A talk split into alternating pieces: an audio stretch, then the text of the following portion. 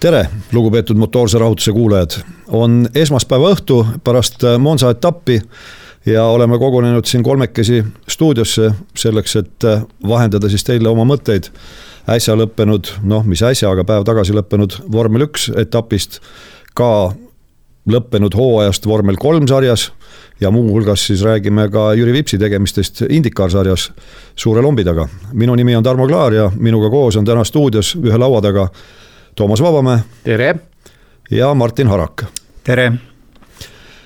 Haarame siis härjal sarvist ja hakkame rääkima kõigepealt vormel ühest ja mis äh, silma torkas meile Toomasega, kui me seda äh, nädalavahetust siin vaatasime, vabatreeninguid ja kvalifikatsiooni, et äh, tohutu tippkiiruse ühtäkki oli kogunud omale Ferrari, väga aeglane sirgetel oli Mercedes ja seal kuskil vahepeal oli siis Red Bull. nii et see jõudude vahekord tundus kuidagi äh, meeldivalt muutunud olevat selles mõttes, et Ferrari paistis olevat leidnud endale kiirust, aga suur küsimärk oli see, et kas rehvisöödikust auto nüüd on kuidagi oma isu täitnud. Martin, mis mulje sul jäi, kui sa seda nädalavahetust vaatasid ennem võidusõitu? no Ferrari oli ilmselgelt ennast äh, nii-öelda hästi relvastunud koduetapiks. et äh, ja, ja, ja autol oli palju uuendusi küljes ja, ja aga kui me sellest nüüd puhtalt sellest rehvi söömisest räägime, siis äh, võib-olla, võib-olla on seda veel momendil pisut nagu vara mainida, aga aga see rehvi söömine oli lõpuks see, mis, mis selle võistluse tulemusega määras. ja no. Ferrari polnud ainuke muuseas, kes, kes rehvidega hädas oli, et, et noh, tavapäraselt oli ju Haas nendega hädas ja ja, ja ütleme, kui me siin kiirustest rääkisime, siis, siis eriti ju paistis kehvasti silma alpiin. mida me ei teadnud muidugi äh, ülekannet tehes, oli see, et esiteks Ferraridele mõlemale autole olid pandud uued mootorid noh, me võime, me võime küll lugeda, et neil on neli mootorit kasutusel olnud, aga me ju kunagi ei tea, milline mootor täpselt peal on. et neil olid pandud uued mootorid ja teiseks, nagu väitis Kristjan Horner ja väitis mitte lihtsalt niisama kohvipaksu pealt, vaid GPS-i andmete tippkiiruse järgi. no mida me kõik nägime tippkiirust, aga, aga nemad näevad seda igal pool, et Ferrari kasutas neid mootoreid väga karmides töörežiimides. mis võib eh, hiljem kuskil kätte maksta no just nii, et äh, noh, kõik viitas sellele, et tegelikult Ferrari oli keskendunud tohutult äh, sellele, et Monsas äh, saavutada just nimelt maksku, mis maksab väga hea tulemus oma fännide ees. Jah, Ferrari poole pealt veel nii palju, et ütleme, et kui, kui palju telepildi vahendusel üldse meiesugustel on võimalik hinnata nende autode erinevust, siis soovitan vaadata pildi, pildi järgi Red Bulli tagatiiba ja Ferrari tagatiiba et, et ainult selle, ainult selle tagatiiva pildi järgi võiks juba oletada, et, et miks see Ferrari kiirus äh, nõnda palju suurem oli. muidugi natukene, äh, seal on üks asi, ma natukene vaidleks vastu, et tänavused autod vähemalt idee järgi peaksid enamikku surujõust tekitama mitte tiibade, mitte tagatiivaga, vaid auto põhjaga hoopis ja noh, kui on jällegi Red Bullil, eks ole, kogu aeg on räägitud kogu see hooaeg, et nende DRS on väga võimas. DRS on seda võimsam, mida rohkem püsti või ütleme, mida suurem on tagatiiv no,. tõlgime, tõlgime DRS-i ära, eks ju, mis ta on, drag, drag reduction system. jah, kui sul on õhutakistuse vähendamise süsteem, kui sul on suur õhutakistus, siis seda saab ka palju vähendada, kui sul on väike õhutakistus, siis seda saab ainult vähe vähendada ja nagu nägime, DRS-is suurt tolku ju, ju sellel etapil ei olnud. no ära räägi, ära räägi ikka oli, ma just tahtsin jõuda selleni, et tegelikult see tippkiiruse noh, mida, mida me ka mainisime, et äh, ei ole ju tippkiirus iseenesest Monsas võiduvõti. ja, ja mida me kogesime jälle, kaks tuhat kolmteist ju Sebastian Vetteli klassikaline võit, kui tema autol oli jällegi võrreldi teiste sõit- äh,, autodega, suurem tagatiib ometi Vettel võitis alustuseks kvalifikatsiooni ja siis võitis ka võidusõidu. ja miks? sellepärast, et tema läbis kurve nii palju kiiremini ja sai sirgetele nii palju kiiremini, et selle aja peale, kui teised autod oma hoo üles kogusid, oli Vettel juba DRS-i ulatusest kadunud, teised ei jõudnudki sinna ja, ja teine pool sellel sellisel lähenemisel on see, et kui sul on natukene rohkem surujõudu, siis auto libiseb vähem ja see tähendab, et rehvid kuluvad vähem. ja vot see, just, ja see rehvide kulumise teema oli just see, mis äh, Ferrari'l seekord võita ei võimaldanud. Aga vabatreeningutel, kes neid vaatas, äh, oli selgelt näha ja sellele ka keskendusid äh, operaatorid ja ülekanderežissöör, et no peaaegu kõik võistkonnad kasutasid erinevaid tagatiibu. Erineva noh, kujuga, erineva takistusega siis tagatiibu ja, ja saadeti rajale ka vabatreeningutel oma kaks autot erinevates seadistustes ja noh, Mercedese puhul loomulikult seda raadiosidet tuuakse eriti välja, see, sellepärast et seal on äh, ju seitsmekordne maailmameister ja no ütleme niimoodi, et nädalavahetust läbivalt tegelikult äh, mulle tundus niimoodi, et äh, Mercedeses sees Hamilton oli rohkem hädas kui Russell, kuidas teil mulje jäi? Aga see on suhteliselt tavaline, et kui, kui asjad ei ole sajaprotsendiliselt timmis, siis Hamilton kannatabki sellistes oludes alati rohkem. aga seda ütles äh, ka Russell ise et tema oli kokkuvõttes, no kuigi, et see ei olnud Mercedese seisukohalt nüüd mingisugune supernädalavahetus, kaugel sellest. aga, aga et tema oli, tema oli leidnud justkui selle enda joone ja, ja Hamilton äh,, Hamilton ei olnud. no eelmisel etapil, eelmisel etapil Sandvortis oli ju samamoodi. just aga lähme vast kohe siin kvalifikatsioonipäeva juurde. et äh, seekord siis teist korda sel hooajal oli kasutusel selles mõttes teistsugune kvalifikatsiooni formaat, et tõsi, oli kolm kvalifikatsioonivooru, kõik samade pikkustega nagu ikka, aga äh, kohustus teist korda selle hooaja jooksul oli siis kasutada esimeses kvalifikatsioonivoorus, ehk siis kõigil kahekümnel kõige kõvemat rehvisegu. teises kvalifikatsioonivoorus sinna edasi jõudnud viieteistkümnel keskmist rehvisegu ja kolmandas kvalifikatsioonivoorus kõigil oli kohustus kasutada kõige pehmemat rehvisegu. ja mis seal esimeses äh, kvalifikatsioonivoorus muidugi kõigile silma torkas, oli see, et äh, Max Verstappen, tõsi, oli kiirem, see ei torganud eriti kellelegi silma, ah kes oli teine, Alexander Albon äh, Williams Mercedesel ja jäi ta maha siis oma parimal ringil. Verstappenist vaid null koma null kaheksakümmend kaheksa sekundit ja Perez oli näiteks alles viies Leclerc oli kolmas Ferrari'l ja Yuki Tsunoda neljas. ja mis veel huvitav oli vaadata, et mitte üksi ei olnud Alexander Albon Williamsil kiire, vaid ka Logan Sargent näitas kuuendat aega. ja see pani küll ja kogu need vabatreeningud ja juba see esimene kvalifikatsioonivoor pani mõtlema, et äh, huvitav, kas sellele rajale just on nüüd Williams leidnud mingisugused sellised seaded Äh, mis võimaldavadki sõita mõlemal autol punktidele. minul sähvatas küll selline mõte peas. ma segaks nii palju vahele, et et Sargenti puhul, tähendab tema auto puhul oli kasutusel ju mitte see kõige värskem nüüd äh, esitiib, vaid äh, kuna ta lõhkus Sandvortis, siis neid sedavõrd palju, siis mindi tagasi vanema tüübi esitiiva peale, mis Sargentile endale sugugi ei meeldinud, sest see väide, et tema jaoks lõi selle auto nii-öelda aerodünaamilise balansi paigast ära. et selle, äh, sellest hoolimata super tulemus nojah, Williamsist me ju kõik teame, on juba mitu aastat olnud nende no sisuliselt ainukene tugevus on olnud sirge kiirus, Sandvortis nädal tagasi see, et nad seal suutsid niimoodi kõrges konkurentsis püsida, oli pigem kontekstist väljas, ebatavaline, midagi, midagi on saavutatud, aga aga see, et Williamsid olid Monsas eesotsas, ei pannud väga imestama. Ja noh, esimene kvalifikatsioonivoor on ju niisugune et äh, tipptiimid lähevad sinna ikkagi niimoodi noh, suhteliselt kindla peale, neil ei ole seal vaja, vaja maksimumiga pingutada. aga sellised sõitjad ja meeskonnad, kellel on seal kaalukeel, et kas ma nüüd pääsen sealt esimesest teise või, või ei pääse. Nemad panevad kõik välja selle nimel ja, ja noh, seetõttu need esimese kvalifikatsioonivooru tulemused võivadki olla teinekord moonutatud. jah, ja, ja ütleme siis esimese kvalifikatsiooni kõige suurema sellise, noh, ma ei tea, kas see nüüd oli üllatus või? et, et meil äh, kaks alpiini sinnasamasse jäidki. no mõningas mõttes oli, et noh, kui siin kus see meil oli, Sandvortis neil oli. Sandvortis, mis olid Sandvorti sõidu järel Pierre Gasly peaaegu et võidukad sõnad? Mõte oli selles, et äh, tiimi juhtkonnas tehtud muudatused on lõpuks ometi edu toonud.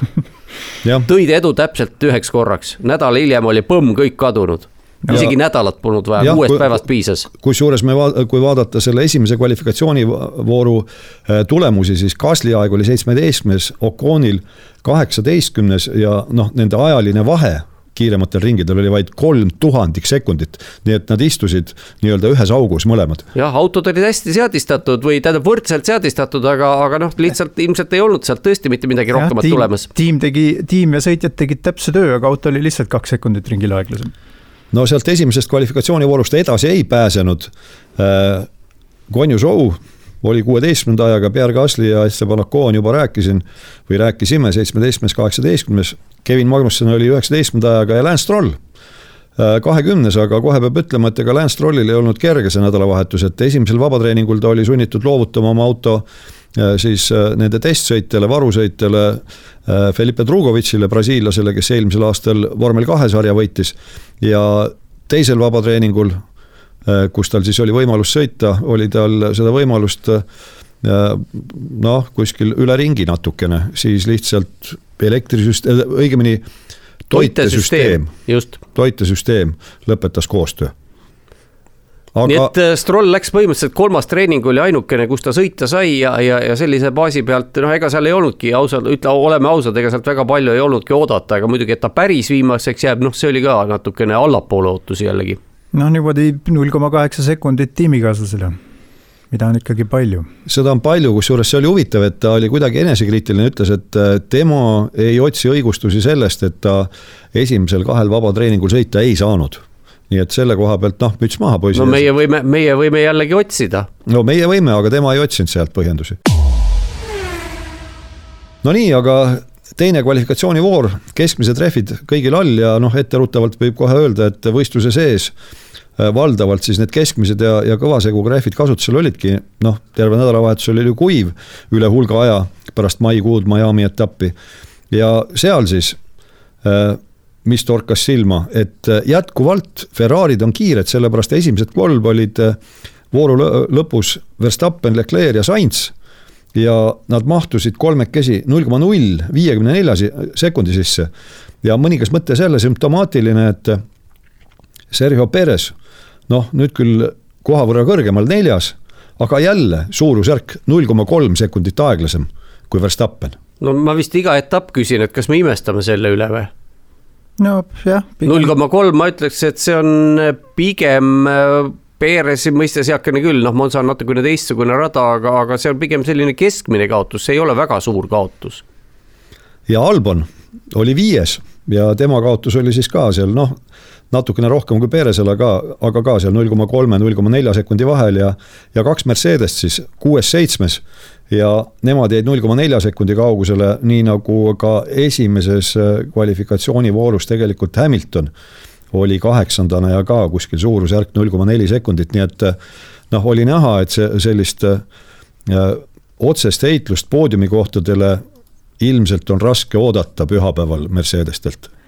Jah, ajasõitude põhjal tundusid Williamsid isegi kohati, kohati kiiremad olevat Mercedestest, aga noh, võistlussõidus nüüd päris ikkagi nii ei läinud no ja kui neid tippkiirusi veel meenutada, siis mul on siin kvalifikatsiooni tippkiiruste tabel ees ja ja kui me nüüd võtame selle, selle koha, kus Monzas äh, absoluutset tippkiirust näidatakse peasirge lõpul enne pidurdusmaad, siis äh, seal kõige suurem kiirus võeti Kevin Magnussenile, nii üllatav, kui see ka ei ole. kolmsada viiskümmend üks koma üheksa kilomeetrit tunnis, aga noh, selge, kui vaatame, et Hülkenberg, samas tema tiimikaaslane oli üks aeglasemaid, siis seal noh, mindi väga erinevate seadistuste peale, aga teises otsas äh, kõige aeglasemad kaks olid Mercedesed Lewis Hamilton kolmsada nelikümmend koma kuus ja George Russell kolmsada kolmkümmend kaheksa koma kuus. nii et Magnussenile Russelli tippkiirus oli võrreldes oli kolmteist kilomeetrit tunnis väiksem ja kusjuures, kui Magnussenil tiimisiseselt oli see tippkiirus suurem, siis eh, kes pääses edasi teise vooru, see oli jälle Hülkenberg. jah, nii et eh, siit võib, võibki teha järelduse, et ainuüksi tippkiirus isegi Monsas ei loe, on, on ikka muid omadusi ka vaja ja kui seal teises kvalifikatsioonivoorus olid Mercedesed äh, pundis koos seal üheteise selja taga väga väikse vahega null koma null äh, kolmteist sekundit oli siis Hamiltoni edu Russelli ees teises kvalifikatsioonivoorus. ja siis olid noh, ütleme niimoodi, et kaelakuti koos ka mõlemad Alfa Taurid, nii et selles mõttes Liam Lawson lõpetas kaheteistkümnendana ja Yuki Tsunoda üheteistkümnendana, aga selles mõttes tahtsin öelda, Lawson nüüd kohaneb selle autoga aina paremini, et üks võistlus nädalavahetus on tal nüüd selja taga lollusi ta seal ei teinud, läbis võistlusdistantsi, tuli ühes tükis finišisse ja nüüd siin hea küll, seal äh, Sandvortis ta tegi ühe pirueti, aga noh. treeningul, treeningul, treeningul, treening ongi treenimiseks. just, ja omal ajal ma mäletan, noh, kui mina proovisin ka võidusõita, kes kõrvalt vaatas, loodetavasti aru sai, mida ma teha tahtsin, siis kui keegi kukkus võistlusrajal, noh, mina proovisin kaherattalisel võidu sõita, siis vanemad olijad ütlesid, et väga hea, meisterlikkus kasvab. ja Lawsoni Tsunoda vahe oli väga väike, aga kolmandast kvalifikatsioonivoorust nad siis noh, niivõrd-kuivõrd ikkagi napilt äh, välja jäid, Lando Norris oli siis viimane, kes sinna edasi pääses, nii et kümne hulka pääsesid siis Max Verstappen, Charles Leclerc, Carlos Sainz, Sergio Perez, Alexander Albon, Lewis Hamilton, George Russell, Oscar Piastri, Fernando Alonso ja Lando Norris. ja nüüd hakkab juba noh, mõningas mõttes minu jaoks kujunema see muster, et, et äh, vähemalt kvalifikatsiooni põhjal, et Oscar Piastri hakkab äh, järjepidevalt justkui edestama Norrist. kas see on tal äh, teine kord või? oli? no mis ma siis nüüd peaks ütlema, et kaks pääsukest ei too suve või? üks kindlasti ei too. No, sa ei pea seda ütlema, aga sa võid. ma ütlesin, ma juba ütlesin et no vaatame, aga, aga no miks ta peaks Norrisest aeglasem olema, öelge mulle mõni hea põhjus. ei ole, ühtegi head põhjust ei ole. muidugi ei ole. ja, ja miks ta üldse sinna palgati ja. et ta ja... oleks vähemalt sama kiire kui Norris. just täpselt, seda ju tarvis võistkonnal on ja nüüd, äh, kui siis äh, kolmas kvalifikatsioonivoor oli selja taga, siis oli seis jälle põhimõtteliselt sarnane ajaliselt nagu äh, teise kvalifikatsioonivooru lõpus. et esimesed kolm olid väga-väga tihedalt koos ja ja oma siis mitmenda kvalifikatsioonivõidu nüüd kas neil-, viienda või? neljanda ma mäletan. või oli see neljas, jah, neljas, neljas oma karjääri jooksul Carlos Sainzil. eelmised kolm on tulnud eelmisest hooajast Carlos Sainz võitis äh, kvalifikatsiooni Max Verstappeni ees null koma null kolmeteistkümne sekundiga ja Charles Leclerc siis null koma null kuuskümmend seitse sekundit ja kolmas. ja siis omas maailmas olid äh, George Russell ja Sergio Perez, noh, nemad alla null koma nelja sekundi äh, kaotusega, aga Perez nüüd siis viies, nii et esimeses kvalifikatsioonivoorus oli ta viies, teises oli neljas, kolmandas jälle viies no, ja aga... Aleksander Albon kuues. aga Peerise kohta ma ütleksin, kui lõpptulemust arvestada, siis tark ei torma. võidusõitjate lemmik vanasõna. ja Piastri lõpetas seitsmendana, Lewis Hamilton oli kaheksas, Lando Norris üheksas ja Fernando Alonso no selgelt kümnes, nii et paistis küll, et äh, Aston Martinil no ei ole seda kiirust, mis oli Sandvortis no Alonso ütles juba tegelikult enne, kui reedel rajale mindi, et äh, paistab, et see nädalavahetus ei ole meil hea nädalavahetus noh, ta rääkis just võrdluses Ferrari'ga, Aston Martini võrdluses Ferrari'ga, et tundub väga veider, kuidas Ferrari on ikka veel tabelis Aston Martinist tagapool. no tõsi küll, paar päeva hiljem pärast seda juttu oli see seis muutunud, et ikkagi Alonso mitmes kohta meil oli, oligi kümnes lõpuks või sa mõtled äh, lõpuprotokollis? üheksas, üheksas, et Alonso kaks õnnetut punkti ei päästnud sellest, et äh, Aston Martin kukkus siis tiimide arvestuses neljandaks, kuna Ferrari sõitjad ju eespool olid kolmas ja neljas. nii et äh, noh, Alonso juba enne ei saanud aru, aga mulle tundus juba kolmandas kvalifikatsioonivoorus küll, et ta teab täpselt, mille peale välja läheb, et ei ole. no ei olnud kvalifikatsioonis mõtet punnitada, sest lihtsalt ei olnud no, neid eesolijaid ei olnud võimalik jah, püüda. seda ju oleme varasemalt ka näinud tänavuse hooaja jooksul, kuidas Aston Martin ei nendel kiiretel radadel, kus on, kus äh, surujõud ei ole see esmane. et kus seal, kus seal ei, ei, ei tule no nad ei ole ainsad, Mercedes ju kannatab selle all ja McLaren samamoodi. nii et kes saavad kiiretel radadel hakkama, noh, Red Bull saab igal pool hakkama ja noh, Ferrari ka enam-vähem tundub niimoodi. mitte päris igal pool.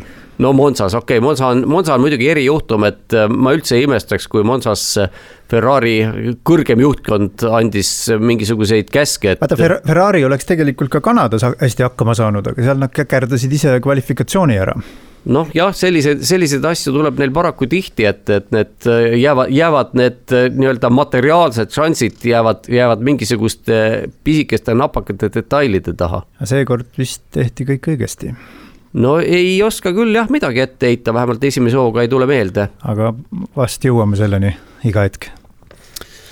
aga nüüd, kui võidu siit lahti läks, siis noh, viis, viiskümmend, palju, viiskümmend üks ringi ootas ees. lõpuks jah, see kujunes viiekümne üheksa. see kujunes viiekümne üheksa jah, sellepärast et eh, ennem kui võistlus lahti läks, Yuki Tsunoda jäi rajaperve ja eks see muidugi helistas häirekelli eh, kogu Red Bulli eh, kuidas öelda siis, kogukonnas.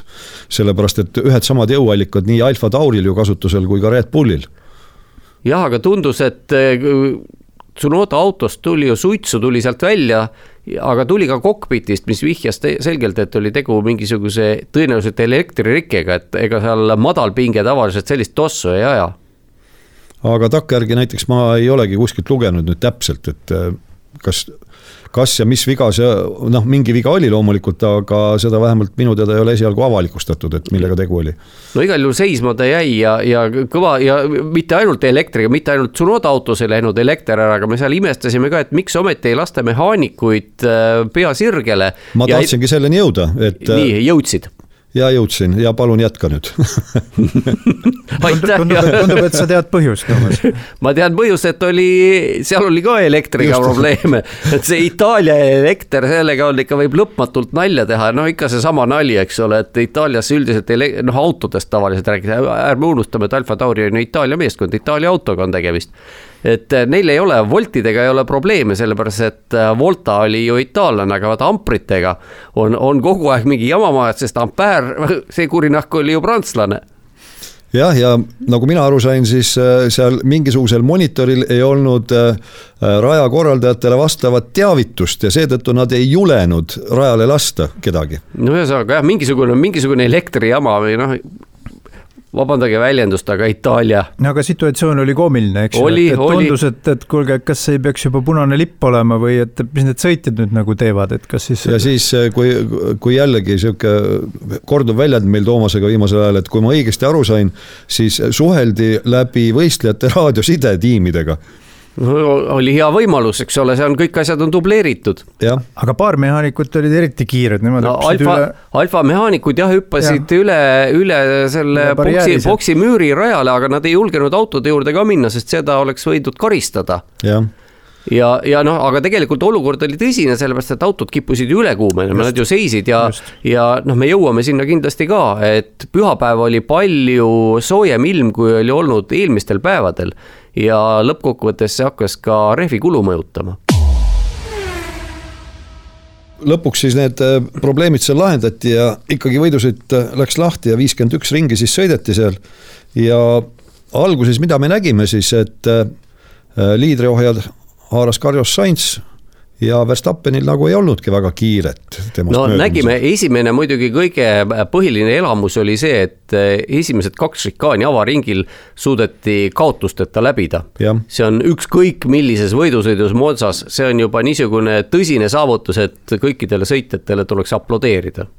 ja kas mitte sõidu sees ei olnudki ühtegi juhtumit ju, kus oleks turvaautot tarvis olnud? ei et äh, see ka. Monza on viimastel aastatel üsna, üsna turvaauto aldis olnud aga, aga seekord saadi jah, no jällegi, kui, kui mõtleme, kui me nüüd veel ei ole jõudnud sinna, aga need Verstappeni hilisemad möödumiskatsed Sainzist, siis seal üks meenutas ju väga kahe aasta tagust äh, olukorda, kus Sainzi asemel oli tema vastaseks Hamilton. ja siis mäletame, mis sealt äh, välja tuli, tuli külakuhi välja. nojah, ütleme, et ega seekord see turvaauto nüüd kaugel ei olnud, et kui. aga kaugel võis mitte olla, aga kas, rajale ka ei tulnud. kas see oli Perez, keda seal teises šikaanis äh, muru peale lükkas üks Ferraridest, kumb see oli, Sainz või Leclerc.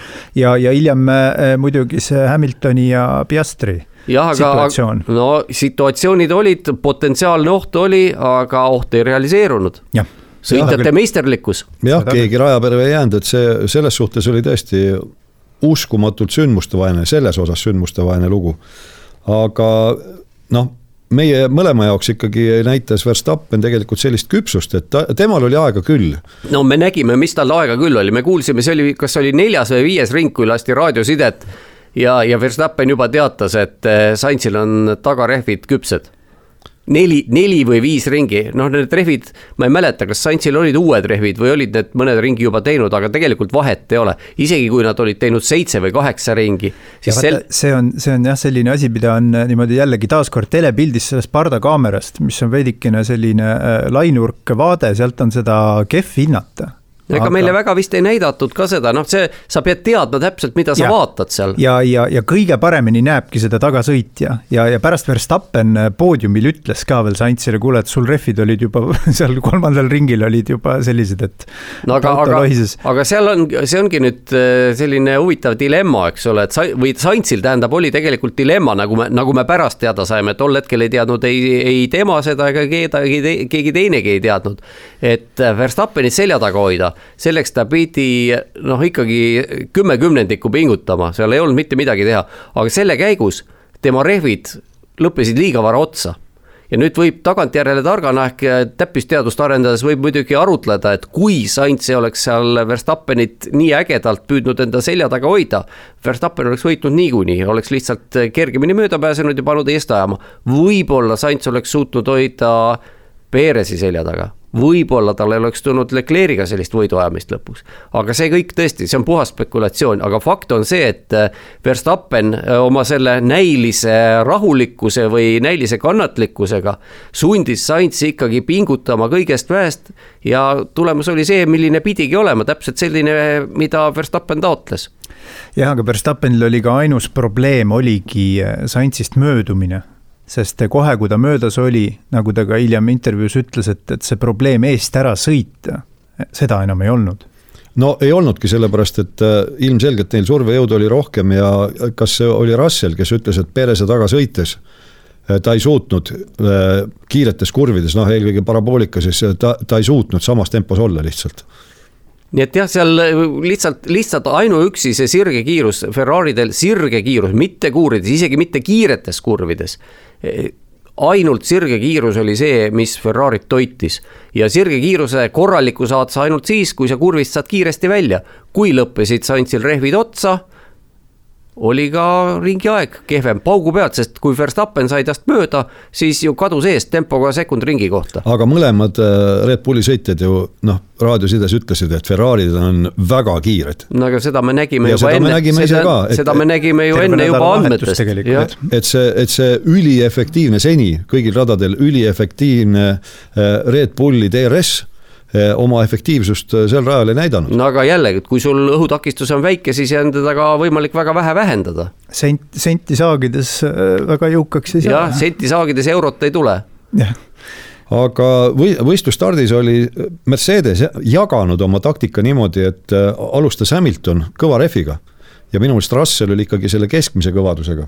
aga Hamiltonil oligi see plaan, et ta teadis, et McLarenite vastu läheb raskeks ja et, et ta täiesti teadlikult läkski seda teed, et, et teeb teistpidi ehk no, siis alustab kõva rehviga. ma arvan, et see oli hea mõte, noh, seda enam. kokkuvõttes oligi. jah, seda enam ja noh, nägime ju viimasel, sõidu viimases faasis, kui ta tagant tuli ja mitte mingisugust probleemi ei olnud tal eessõitjatest möödumisega Ol,, olgu nende tippkiirus missugune tahes, läks heakene küll, et McLarenid, noh, McLarenid ei olnud teab mis head selles osas, aga ka Albonist möödumine Hamiltonil käis imelihtsalt kui mitu ringi seal Norris küll vasakult, küll paremalt, küll ülevalt alt proovis, mitte midagi. tuli Hamilton, saabus, läks mööda Aga ja Hamil kadus. Hamiltonil ei olnud muuseas kaugel katkestamine, sellepärast et see teiste taga kinni istumine, see oleks peaaegu ära tapnud ta pidurid. ja, ja see oli väga-väga napilt läks no tegelikult oli ju ka Verstappenil, me imestasime veel lõpuks ka, et kuidas, kuidas see vahe nii väikeseks läks ja, ja kuidas Perez talle nii kõvasti lähemale tuli, aga Verstappenil hakkas ju mootor üle kuumenema lõpus. jah ja, ja just, just täpselt sama asi, et pühapäeval oli temperatuur palju kõrgem, kui oli olnud eelmistel päevadel ja keegi ei olnud selleks valmis, noh, tegelikult ega, ega ka see rehvi valik oli ju niisugune paljuski kohvipaksu pealt ennustamine. kuna rehvid olid eh, ühe järgu võrra pehmemad, kui nad olid eelmisel aastal olnud, siis põhimõtteliselt kuna ja, ja kuna see oli nüüd teine vabatreening, kui Perez sõitis seina viimases kurvis mingi kümme minutit enne treeningu lõppu. see rikkus ära praktiliselt kõikidel pikkade ostade sõitmise, neid andmeid tegelikult ei olnud, oligi ja. puhas ennustamine. jah, nii see oli ja, ja sõidus seal ütleme, Lewis Hamiltoni ja, ja Piastri kokkupõrge, noh, see rikkus Piastri sõidu ikka korralikult ära nojah, ta kukkus, kukkus esiteks pidi tegema üleplaanilise poksipeatuse, siis kukkus sinna sellisesse võitlusse, kus tal midagi teha ei olnud ja teenis sealt ise, kellega ta seal veel kokku põrkas. ajakaristuse jah, teenis kellegagi, tõesti ei mäleta praegu noh, kirjas on siin niimoodi, et viis sekundit äh, karistust äh, rajapiiride ületamise eest ja, ja jääva edu saavutamise eest. nojah, vahet ei ole, igal juhul karistuse ta, ta sai ja, ja kindla punktikoha kaotas ja noh, Hamilton sai ka viis sekundit karistust, aga ei temal ega ka Russellil, kes samuti viis sekundit karistust sai, see lõppkokkuvõttes ei mõjutanud midagi, kuigi Hamilton suhteliselt napilt pääses Alboni eest ikkagi sinna turvalisse vette nii et jah, Piastril läks tegelikult noh, võib öelda üheteistkümnes koht seeläbi kaduma, nii et eh, Valteri Potas ta nüüd otseselt eh, ei ähvardanud, aga karistada siis peale Russelli, Hamiltoni ja Piastri sai veel ka Logan Sargent. Eh, kokkupõrke põhjustamise eest Valteri Potasega neljandas kurvis ja vot seda meile ei näidatud. seda olukorda jah ei näidatud, Potas oli saanud äh, samas, mitte neljandas kurvis, kui ma õigesti mäletan, peasirgel oli, oli saanud mööda Sargentist ja Sargent äh, üritas siis kohe tagasi võtta seda kohta, aga sõitis Potasele otsa.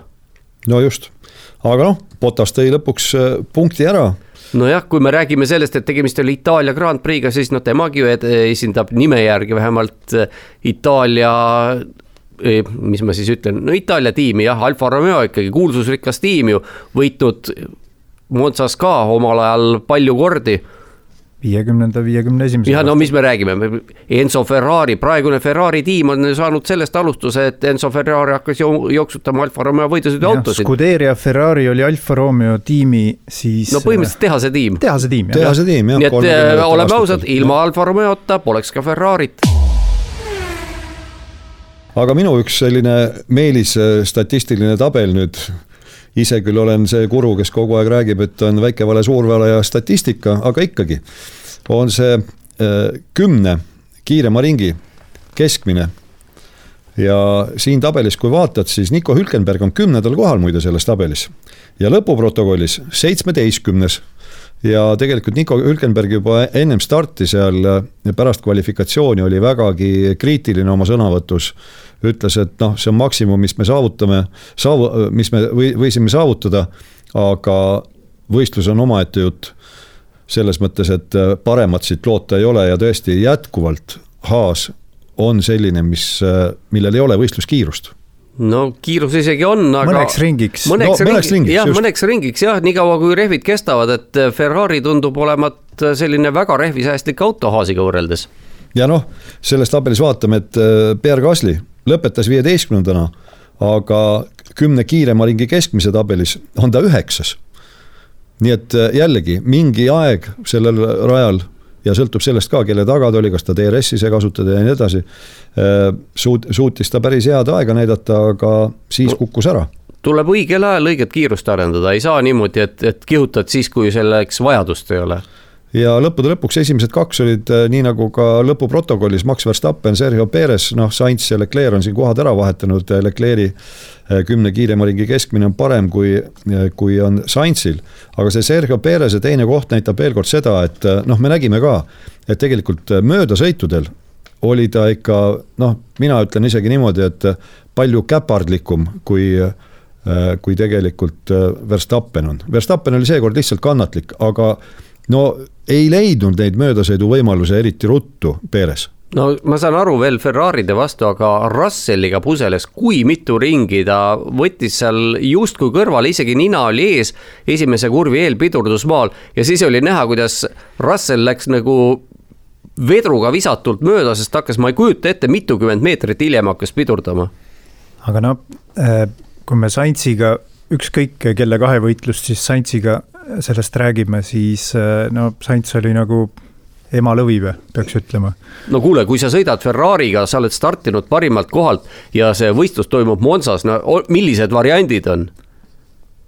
vägev oli igal juhul ei, see, need kahevõitlused olid muidugi vägevad ja, ja siis see, kui võistkond teavitas oma võistlejaid, et noh Äh, kuidas see oli siis see väljend põhimõtteliselt, et. Äh, võite võidelda või võite võidu sõita, aga riskivabalt, mille, mille peale lasi esimese kurvi pidurdamisel Leclerc niisuguse tossu pilve lendu, et see oleks ka kuskil sõjaväljal täiesti tõsine strateegiline relv. varjaks kõike ära, noh, seal oli küll kõike muud kui riskivaba see manööver, aga kokku nad ei põrganud ja rahvale lõbu pakkusid, nii et au ja kuulsus. ja muidugi Ferrari'le ka selles mõttes au ja kuulsus, et ikkagi lubati neil võidu sõita olgu pealegi see nii-öelda riskivaba jutt see selleks, eks noh, tiimi juhtkond ju teab tegelikult ka, nad, nad peavad selle korralduse andma, aga teavad, mida, mida sõitjad teevad.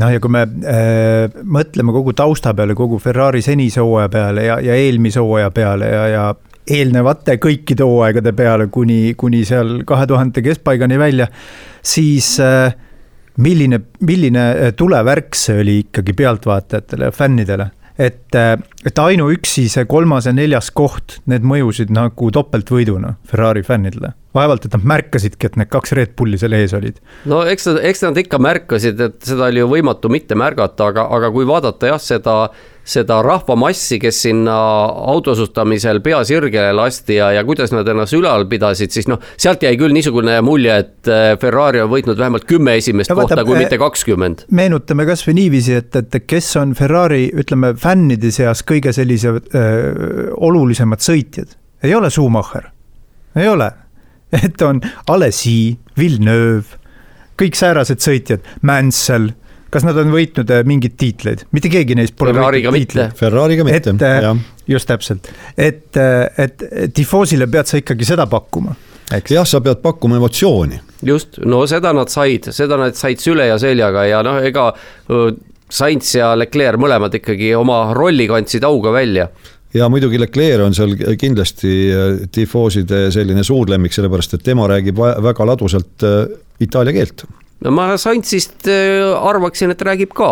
aga millegipärast ta, vot äh, pärast kvalifikatsiooni Leclerc kohe võttis äh, võimalusest kinni rääkida itaalia keeles. tal isegi ei palunud, Davide Valsecki, kes oli intervjueer, isegi noh, tavaliselt öeldakse, et, et, et no näiteks öeldi ju Sandvortis Verstappenile, et ütle hollandi keeles ka midagi. minu meelest seal Leclerc võttis ise initsiatiivi ja, ja, ja kukkus itaalia keeles rääkima ja aga mina pole kordagi kuulnud, et noh, Sainz oleks vähemalt püüdnudki seda teha Itaalias. ma olen üsna veendunud, et ta ikkagi valdab seda keelt. no võimalik, aga lõpuprotokollis siis Verstappeni edu pärast oli vaid äh, kuus sekundit Perese ees ja noh, seal ülekande ajal ka ühel hetkel ma juhtisin tähelepanu, et ta sõidab kolm sekundit aeglasemalt kui oma kiiremal ringil, no muidugi see oli lihtsalt tähelepanu juhtimine ja takkajärgi me nüüd teame ka, et võistkond käskiski tal hoo maha võtta nii-öelda sellepärast, et oli mootori ülekuumenemise oht ja Perese edu oli seal äh, viie sekundi jagu mõlema Ferrari ees ja Ferraride omavaheliseks äh, kempluseks seal lõpus läks ikka päris korralikult viimastel ringidel, aga vaheks jäi alla null koma kahe sekundi, nii et noh põnevust jagu, jagus seal süle ja seljaga. muuseas, ega see Ferraride vahe, noh, päris null koma kaks sekundit ta nüüd ei olnud võistluskäigus, aga, aga ta ei olnud kordagi eh, rohkem kui mõni sekund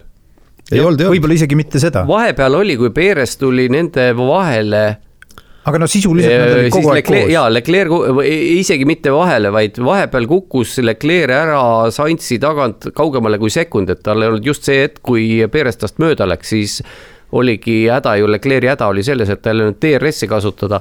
aga ei kaugele jah, võib-olla oli kaks sekundit maas Sainzist, tõenäoliselt mitte rohkem, need sisuliselt sõitsid nad ikkagi kogu aeg terve selle võistlusmaa ühesuguses tempos. ja see, et Leclerc alguses seal niimoodi maha jäi, siis see võib-olla pikas perspektiivis äh, tuli isegi kasuks. nojah, ei läinud oma rehve tap-, tapma sinna Perezi selja taha. ja siis äh, Ferraride selja taga olid kaks karistada saanud Mercedest, Russell lõpetas lõpuks viiendana, Lewis Hamilton kuuendana ja Hamilton tõesti tuli nagu äh, kuum nuba, nuga läbi sulavõi oma nende äh, keskmise kõvadusega rehvidega, noh sisuliselt kõik konkurendid olid ju kõva rehviga äh, lõpus rajal ja noh, nende omavaheline vahe oli muidugi mäekõrguselt Russelli kasuks aga Aleksander Albon lõppkokkuvõttes ikkagi seitsmes ja olgem ausad, ega see Logan Sargenti noh, lõpuprotokollis kolmeteistkümnes koht ei ole ka sugugi halb ju. sest ta oli üheteistkümnes. tegelikult, pärast seda, kui Botas tast mööda sai. just, et äärepealt oleksid mõlemad Williamsid äh, punktid ära toonud no hoogu, hoogu ikka oli, oota, aga meil nüüd, kas see nüüd Perezi juures jutt jäigi selle peale, et on koba ja ohmu ja ei suuda mööda sõita või? Kui viiendalt kohalt tõusis kolmandaks, sõitis mööda kolmest väga kiirest autost. ma arvan, et me peaks teda kiitma ikka, ta ju teenis oma üle, ma ei tea, sellest samast Miami Grand Prix'st, mis sõideti kuivaga viimati.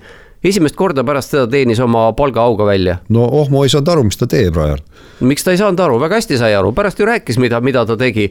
ütles, et tippkiirus oli nii suur, et ta hakkas äh, paraboolikast väljumisel hakkas otsima erinevaid sõidujooni ja see olukord, kus ta Leclerc'ist, Saintsist, üks möödasõit oli, tegelikult läks ta mõlemist üsna ühtemoodi, ta võttis paraboolikast väljumisel hästi suure kaare ja see tähendab, et sai sirgele väga hästi välja ja mõlemal juhul tegelikult ta oli juba keset sirget mööda läinud Ferraridest mis tundus täiesti hämmastav ja, ja ühel juhul ta pidi ju hakkama kaitsma lausa esimesse kurvi minnes sisekurvi, sest vastane oleks saanud uuesti rünnata, ma ei mäleta nüüd, kumb see oli.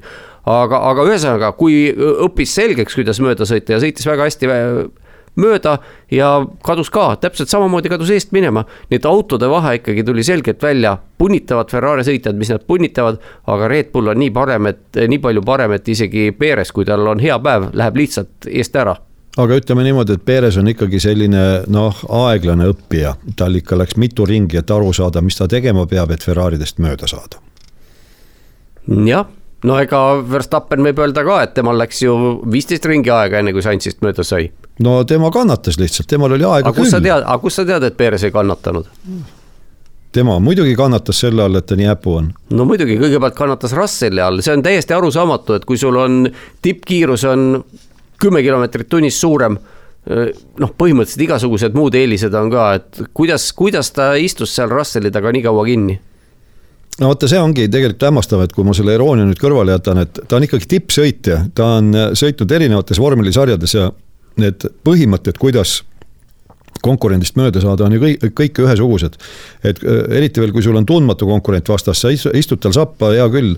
Äh, kui seal ilmseid sõiduvigu, vigu eessõitja ei tee, kui ilmset kiiruste vahet ei ole, siis vaatadki, kus on sinu tugevad, tema nõrgad kohad ja noh, kahe hea küll, kolme ringi pärast võtad kätte ja lähed, mitte et sa kogu aeg kuidagimoodi kuskilt miskit proovid ja mitte midagi ei õnnestu no aga teisest küljest peab ütlema, et Perezi auto siis on ikka, ikka väga võimekas, noh, arvestame, võtame sellesama Russelliga kemplemise seal algusfaasis. kui ta nii pikalt äh, seal taga oli ja vaatamata sellele jõudis hiljem veel mõlemale Ferrari järele, siis ta pidi ikka vajadusel olema suuteline väga kiiresti sõitma selle autoga. no vaata seda, seda enam ütlen ma, et tegelikult noh, kõlab kuidagi totakalt, aga koba. Russelli tagant äh, pääsedes ta tuli seal ikka niimoodi sekund ringi peale lähemale Ferrari'le, et, et see kiiruslik no ülekaal oli vähemalt ringi ajas oli suur. aga ma natukene oleksin sõbralikum Perezi mina, mina tahtsin suuna. ka olla, Tarmo on, Tarmo on väga tige tema peale, ma tahtsin ka juhtida Olen, niisugune leebema, leebemas toonis käsitleda seda küsimust. pigem Perezi äh, äh, laitmise asemel ma pigem kiidaks äh, Saintsi et kuidas Sainz sõitis terve selle Grand Prix, et, et Sainz on taandunud, eh, noh, see on loomulikult kinni eh, paljuski Ferrari enda vormis, aga on taandunud selliseks eh, anonüümseks viienda koha võtjaks umbes nagu meil oli Pierre Gasly siin mõned aastad tagasi, et sõitis ja. oma Alfa Tauril alati neljandale-viiendale kohale. ükski võistluste režissöör teda kunagi pildis ei näidanud, et, et nüüd ta selle etapiga sai sellest kuulsusest kindlasti lahti no see võib olla ühekordne, ühekordne juhtum, sest tavaliselt ikka on Leclerc olnud temast kvalifikatsioonis just kiirem. et seekord Leclerc'il oli arusaamatult pikalt võttis, et see auto seadistus talle niimoodi maitsekohaseks saada. aga kas te mäletate, et Leclerc oleks hoidnud Sainzi nii kaua kinni, kui Sainz hoidis Perezi kinni? ei, vabandust, Leclerc Perezi kinni, niipidi mm.. et sealt pääseti ikka päris kiiresti mööda. no vot, aga Aleksander Albon on ikkagi selline äh, ütleme, kaitselahingute meister vormel üks klassis. rongijuht. rongijuht, jah, nii võib mitte Piilu Part oli rongijuht, vaid Aleksander Albon oli rongijuht. ja, ja, ja suutiski oma rongi ilusti juhtida, ainult Lewis Hamilton läks tast mööda. just aga Lando Norris istus seal sabas ja lõpuks jõudis ka Fernando Alonso sinna ja ei saanud mööda. ei saanud jah, midagi, midagi ei olnud vastu panna, noh jällegi, kui mõtleme tänavu Montrealile tagasi, siin on neid etappe veelgi olnud, eelmisel aastal isegi, kui, kui Williamsi auto oli oluliselt kehvem kui praegu, siis jah, aga, aga noh, Albonil ka jälle on teine etapp järjest, kus võib öelda, et aga mis siis, kui sest Alboni esimene poksipeatus oli ju arusaamatult vara, ta oli üks esimesi, kes, kes äh, stardirehvid välja vahetas. ja see kindlasti noh, heakene küll, ta sai nende kõvade rehvidega, istus seal teiste ees rahulikult, ei saanud nad suurt midagi teha talle. aga võib-olla, kui oleks natukene paremini see taktika kujundatud olnud, võib-olla oleks olnud võimalik ka natukene kõrgemal olla, sest noh, McLaren, mitte jah mitte McLarenid, vaid äh, Mercedesed kokkuvõttes ei oleks olnud vast nii palju kiiremad. no Albon ise ka seda arvas, et äh, see algne nii-öelda prognoos, et kui kiire Williams peaks olema, et see oli tegelikult optimistlikum, kui viimaks reaalsus oli et no, tegelikult oodati, et ollakse veel kiiremad. no vot, aga see on, siin ilmselt tuligi mängu see teema, et äh, eelmistel päevadel rada oli nii palju jahedam et ei saadud selget pilti rehvi kulust, sest paljud tiimid, noh, põhimõtteliselt Monza on ju ühe peatuse rada. ja seda enam, et sõideti kaks ringi vähem, aga tagaotsa mehed ju päris mitmed tegid kaks boksi peatust ja, ja Sainz ütles ka mingisugune viisteist ringi enne lõppu vist ütles, et, et need rehvid küll lõpuni ei kesta, aga noh, ega neil seal ei olnud valikut, seal lihtsalt tuli ükskõik, kasvõi veremaitse suus, sa pead nende rehvidega lõpuni sõitma. jah, tegelikult äh, soovinuks äh, vaata, et enamus teha kahte, äh, kahte rehvi vahetust, aga noh, kõik said sellest aru ju, et ehkki see boksi boksi ala ise ei ole sedavõrd pikk, aga no, lihtsalt millise kiirusega mööda tuhisetakse. boksi ala tegelikult on ka siiski suhteliselt pikk, nelisada meetrit, mingi nelisada üheksateist meetrit, kui ma õigesti mäletan, on see kiirusepiirangu tsoon. aga see, see jah, ei ole kriitiline, täpselt nagu sa ütlesid, et see, see kiirus, millega rajal olijad sealt mööduvad, vot see on, mis selle kaotuse tekitab. sealt tekib ajakadu, jah. aga lõpuks siis jah, Albon seitsmendana finišis, kaheksas tema järel kohe Lando Norris McLaren Mercedesel, siis üheksas Fernando Alonso, Aston Martin Mercedesel ja üle hulga aja punkti kohal jällegi üks Alfa Romeo, Ferrari mootor päras või jõuallikas kümnendal kohal. Valteri Bottas, et Valteri Bottas justkui oleks seda kriitikat kuulda võtnud, et noh, viimasel ajal on üsna palju tegelikult spekuleeritud selle ümber, et kes siis ikkagi on need sõitjad ja kas Valteri Bottast hoitakse ametis sel aastal või tollel aastal, kui ametlikult võtab võistkonna üle Audi ehk siis kaks tuhat kakskümmend kuus.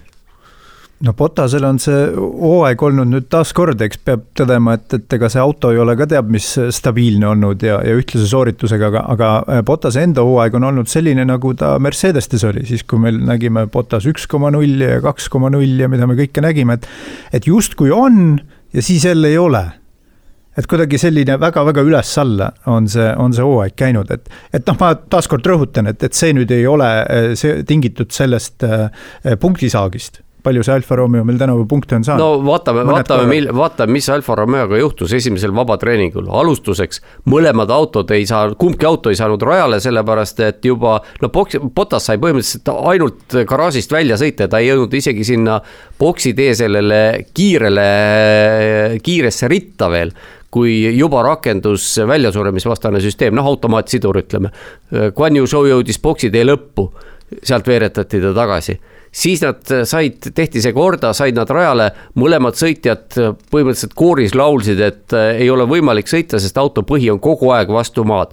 Käisid jälle garaažis, seadistati, mõlemad ütlesid natuke parem, aga kui sa juba niimoodi alustad oma treeninguid hooaja, no ik-, Alfale Alfa Romeole ka ju ikkagi kodurada ja seda enam, et need autod olid ju ka nii-öelda juubelivärvides siis eh, noh, sellise alguse peale, mida sa sealt tahad saada? ei, ma seda ütlengi, et Botas tegi ju kokkuvõttes suurepärase Grand Prix. ja arvestades, arvestades seda, kust, kust jah, see nullpunkt oli, aga ma tahtsin juhtida tähelepanu sellele, et, et võrreldes sellega, mis tal oli Mercedeses, lihtsalt see materiaalosad, mis tal käes on, on nii palju kehvem, aga ega tema enda tasemes ebastabiilsuses ei ole midagi muutunud.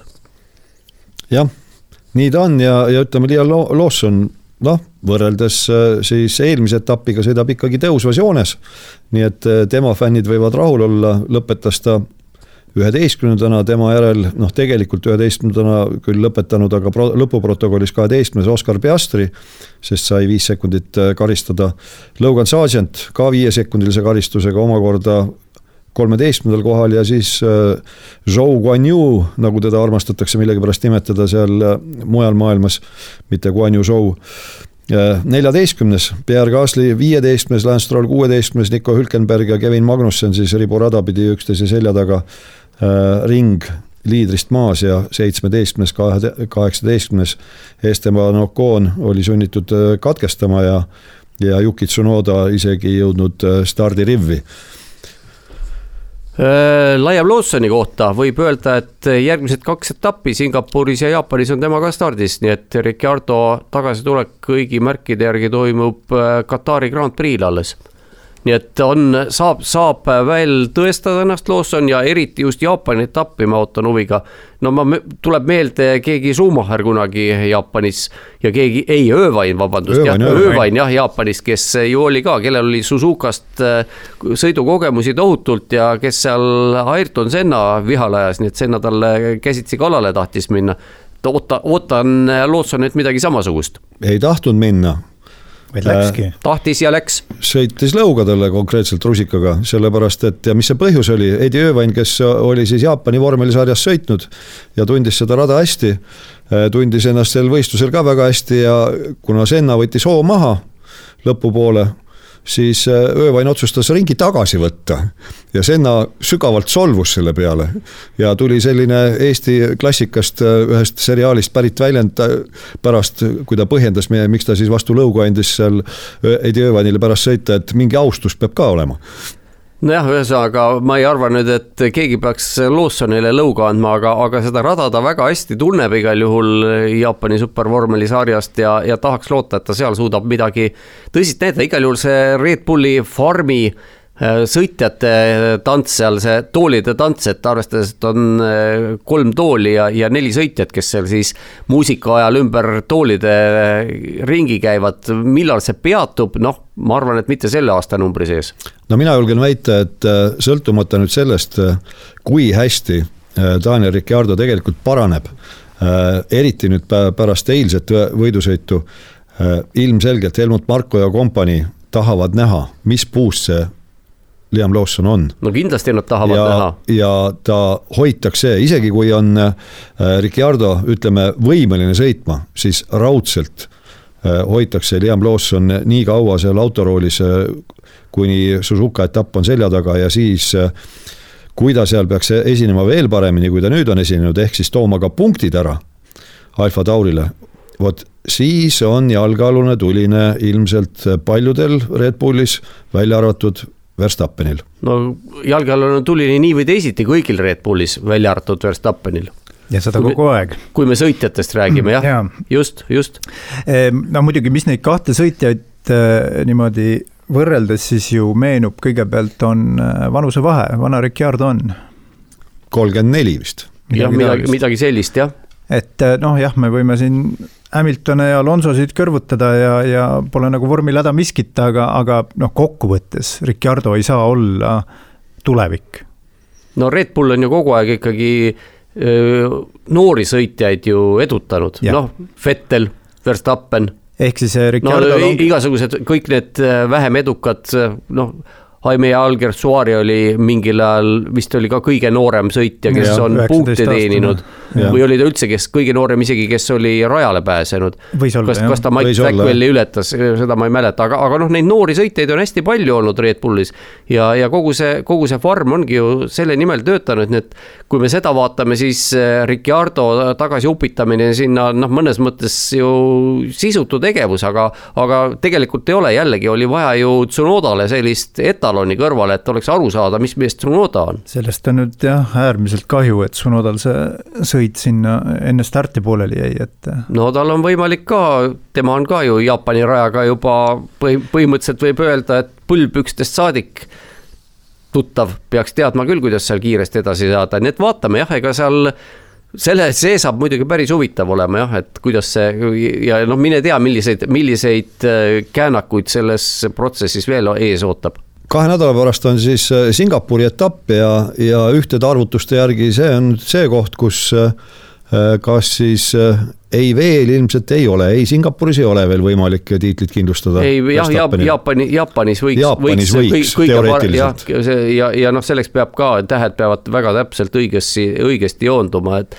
ütleme ausalt, et Jaapanis on see ka ebatõenäoline, aga, aga jah, matemaatiliselt võimalik no ütleme niimoodi, et kahe nädala pärast vormel üks maailmameister veel ei selgu, aga sel nädalavahetusel selgus äh, FIA vormel kolm äh, parim sõitja meister, ütleme siis mitte küll maailmameister, sest seal sellist staatust ei ole. sellist staatust ei ole, aga noh, tinglikult äh, võib öelda, et seda ta siiski on. no sõideti ju ka väljaspool Euroopat, sõideti Aasias, sõideti isegi Austraalias. jah, ja noh, Toomas, sina oled seda rohkem jälginud meistriks tuli meil brasiillane. Meistriks tuli brasiillane Gabriel Bortoleto jah, kes ähm, pani oma tiitlivõidule aluse just nimelt kahe esimese ülemere etapiga, võitis Bahreinis põhisõidu ja võitis Austraalias põhisõidu, asus tabelit juhtima ja enam seda käest ei andnudki.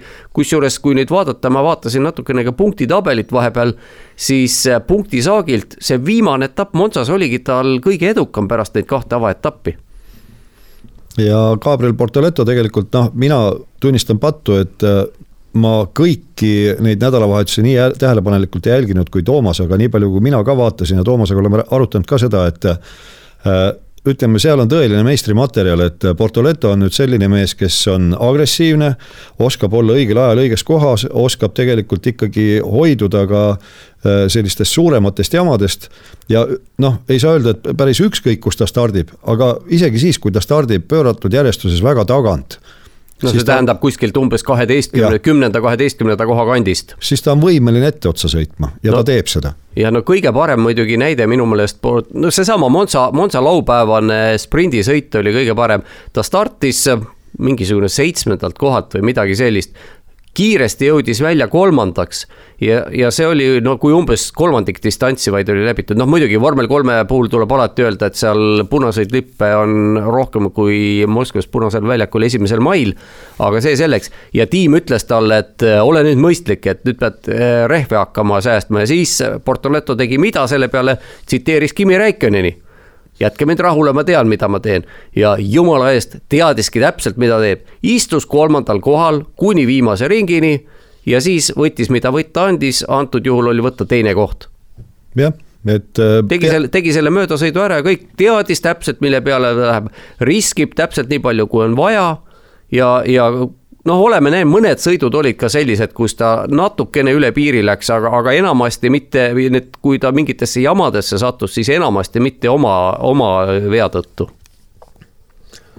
Aga mis puudutab meie Paul Aranut, siis noh, ütleme summa summarum, mina, keegi pole küll küsinud, aga ise ütlen, et mina annaks tema hooajale hinnaks hin,, hindeks viiepallisüsteemis selline tubli neli noh, neli pluss jah, võiks anda, eh, üsna ühtlaselt esines eh, selliseid väga suuri ärakukkumisi ei olnud, aga, aga noh, mõned sellised noh, võime muidugi jah mõelda sellele spa nädalavahetusele, spa põhisõidule eelkõige tagasi, kus äh, Paul läks ju riski peale välja, läks vihmarehvidega rajale alguses, kui rada oli selline noh, poolkuiv või, või poolmärg või, või kolmandik kuiv, võta sa nüüd kinni. ja tõusiski liidriks kohe esimese ringiga kaheksandalt stardikohalt aga siis noh, võib öelda, et läks liiga ahneks ja otsustati siis poole pealt, kui tuli turvaauto rajale, et nüüd paneme slikid alla, sest rada kuivab. aga rada kurinahk ei kuivanud ja no tagantjärele tark olles siis need, kes jäid vihmarehvide peale, need olidki lõpuks ka eesotsas ja Paul oleks võinud sealt väga vabalt võtta ülekaaluka esikoha. see tähendab, et ta oleks äh, sealt sõidust teeninud mitte neli punkti, vaid tõenäoliselt kakskümmend viis, mis tähendab, et ta enne Monza etappi oleks Portoletos toonud ainult umbes kas kaheksateist, üheksateist punkti kaugusel noh, see tähendab, et oleks hoopis, hoopis teistsugune pilt oleks olnud. jah, aga see spa otsus, noh, see ei olnud ju ütleme, Pauli ainuisikuline otsus, küll see ikka võistkonna otsus oli. ja nii või teisiti, eks ole, aga me tol hetkel, kui ma seda nägin siis ma mõtlesin, et jumalast õigesti tegid, et kasutavad noh, selline taktikaline olukord muutus nende jaoks soodsaks, turvaauto tuli täpselt sel hetkel välja, kui oleks olnud, vahe oli juba piisavalt, edu oli piisavalt suur, kõik nagu tundus soodne olevat. aga noh, võta näpust, et selline, selline ilma ennustamine jah, et kui kiiresti rada kuivab, noh, sellega on nii palju kordi alt mindud, tegelikult väga vähestel kordadel, kui õnnestub see sajaprotsendiliselt täkke isegi vormel ühes ja teisipidi jälle, kui nüüd oleks kõik täkke läinud, siis oleks ju kiidetud taevani, et millised geeniused. absoluutselt. et eh, noh, nii, nii see paraku on tihtipeale, et eh, see rada ei kuivanud, eh, õhuniiskus oli lihtsalt nii, niivõrd kõrge, et ei tahtnud kuidagi see vesi mitte kuhugi sealt ka, kaduda ja ja nii ta läks, aga hooaja kokkuvõttes ikkagi kolmas koht lõppkokkuvõttes poodiumil ja nüüd on küsimus selles, et mis edasi. et mina põhjendan oma arvamust nüüd sellega, ega ma täpselt ei tea, mis perekond Aron nüüd on otsustanud, kuigi mingisugused sahinad on, aga mina ütlen, et ainuõige samm on minna edasi vormel kahte kohe, kui vähegi võimalust on. ja loomulikult äh, eriti siis, kui on võimalus näiteks Premaga jätkata, mis on tippvõistkond. ja mis see põhjus on? Äh, Paul on sõitnud seda regionaalvormelit, mis on gramm aeglasem kui vormel kolm.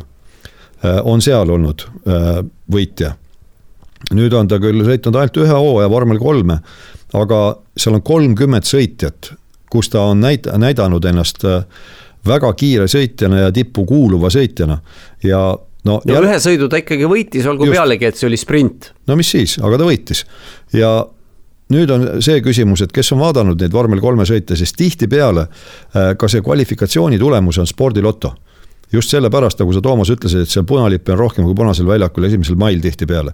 et äh, seal juhtub igasuguseid asju, sellepärast et kolmkümmend autot on rajal, kolmkümmend autot.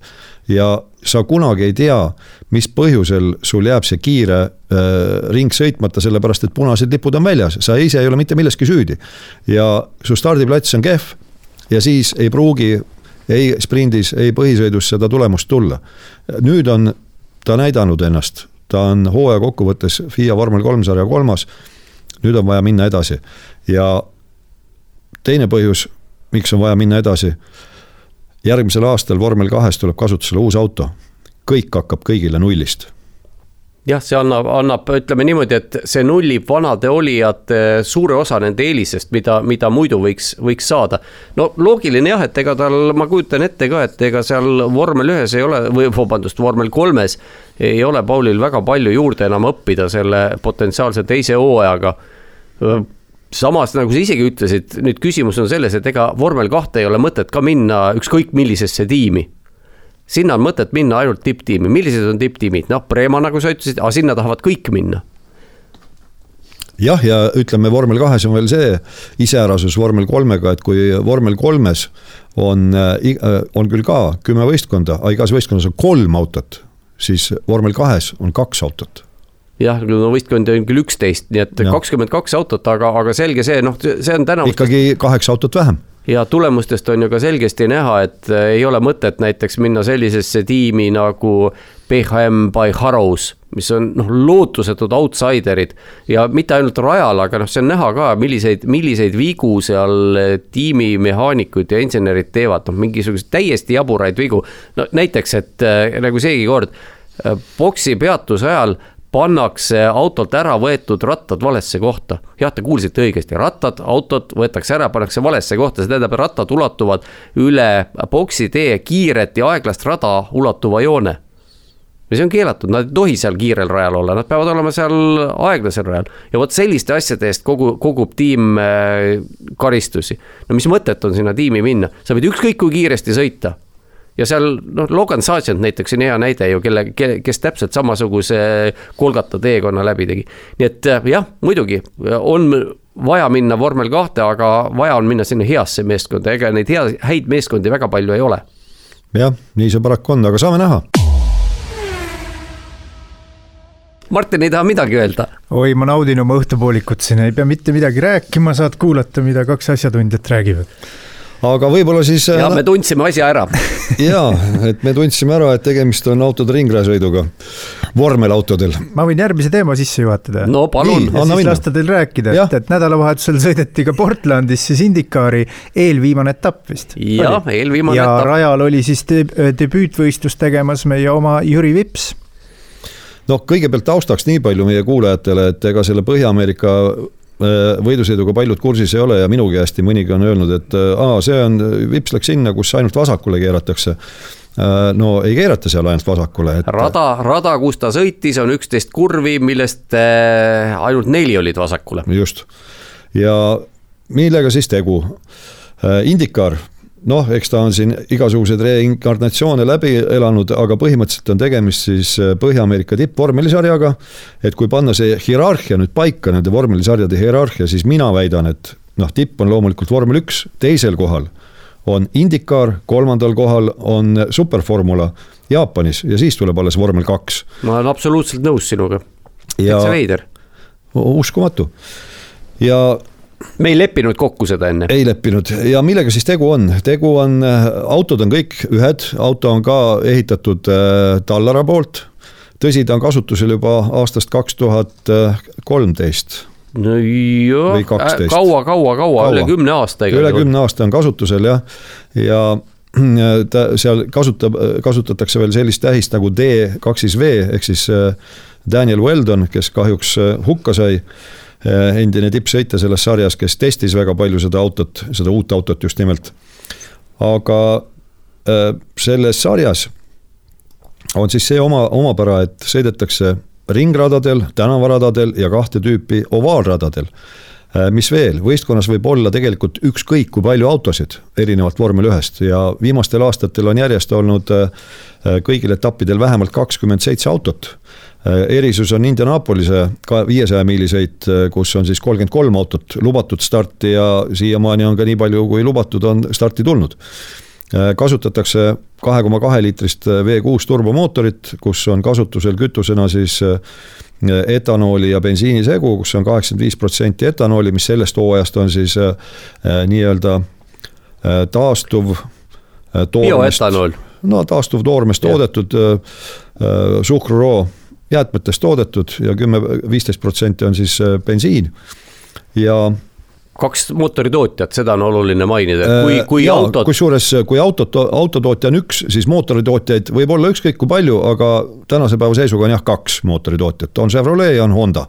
ja, ja Jüri Vips sõidab Honda mootoriga. just, ja mis veel tähtis teada, kindlasti veerev start on seal Äh, ja erisus vormel ühest veel, et äh, mis on mulle isiklikult väga imponeeriv ja väga meeldiv, mis äh, lisab sellist lisavürtsi sinna võidusõitu.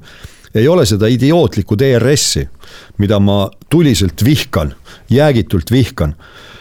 seal on kasutusel inglise keeles push to pass ehk siis lisavõimsus, mis on kuskil suurusjärk kuuskümmend, seitsekümmend hobujõudu ja seda võib kasutada sõltuvalt rajast, aga laias laastus on see kakssada sekundit sõidu peale, aga mitte rohkem kui kakskümmend sekundit korraga ja võid kasutada seda noh, omal äranägemisel, võid kasutada ründamiseks, võid kasutada kaitsmiseks, võid kasutada sirgel. no kui peaks tulema tahtmine, võid kasutada ka kurvis. põhimõtteliselt ma ei tea, kas seistes vist ei saa kasutada, aga. seistes ilmselt mitte ja kui kollased lipud on väljas, siis ka, siis ka mitte. ja, ja boksi, boksi peatuste kohta ka, noh, seal on boksi taktika muidugi on selles mõttes äh, oluliselt teistsugusem kui vormel ühes, et äh, ka tangitakse ja kuna kütusepaagi maht on piiratud, siis neid tankimispeatusi tuleb noh, sõltuvalt jällegi sõidu pikkusest tavaliselt äh, umbes kolm. noh, ütleme kaks kuni neli, aga, aga keskeltläbi kolm. Ja mis puutub ka veel turvaauto reeglitesse, siis see on ka natukene teistmoodi, kui vormel ühes on see sõitja, kes viimasena enne turvaauto rajale tulekut boksis käib, on lootusetu luuser, ta tohutult kaotab, siis Indikaris on vastupidi, see võidab tohutult kohti. sellepärast, et seal, kui turvaauto tuleb rajale, pannakse boksi sissesõit alguses kinni ja boksid avatakse uuesti alles siis, kui kogu see võistlejate rivi on turvaauto taha kogunenud et võist-, võrdsete võist-, võimaluste andmiseks, et keegi niimoodi loteriivõitu ei saavutaks ja mida me Portlandi sõidus nägime, on ka see, et tihtipeale turvaauto rajale saatmisega oodatakse, kui äh, mõni sõitja, kes on veel kiirel ringil ja ei ole jõudnud äh, boksidesse, lastakse tal ilusti boksidesse ära sõita. eks selles mõttes seal äh, arvestatakse ikkagi ka sellise show elemendiga, et lihtsalt ei lasta su head sõitu põhja see show element on seal vägagi oluline, eriti kui vaatame boksi peatuseid, et kui me võrdleme vormel ühega, siis vormel ühes on ümber auto nagu sipelgapesa, möllab ringi, aga Indikaaris on lubatud ainult seitse inimest auto ümber, need on siis tagumine tungrauamees, kusjuures võrreldes vormel ühega, seal on ikkagi kõrgtehnoloogia. pneumatungrauad. pneumatungrauad, see tungrauamees mitte ei pinguta oma muskulit seal, vaid ühendab ära äh, Äh, suruõhuvooliku auto tunga, tungraua pneumosüsteemiga. auto äh, kerkib ise vupsti üles. just, äh, iga ratta juures on üks mehaanik. see teeb kokku siis. viis. viis, üks tankija, kuus ja siis on üks kodanik, kellel on lubatud auto juures toimetada ilma kinnasteta, see on muide reeglites mustvalgel kirjas. ainus inimene, kes boksi peatuse ajal tohib toimetada auto juures ilma kinnasteta, on siis see, kes Äh, annab joogipudeli sõitjale ja kes tõmbab ka ütleme tuuleklaasilt äh, ära selle kaitsekile. nüüd osa inimesi kuulab, et vormelauto, tuuleklaas, oota ma peksan segast või?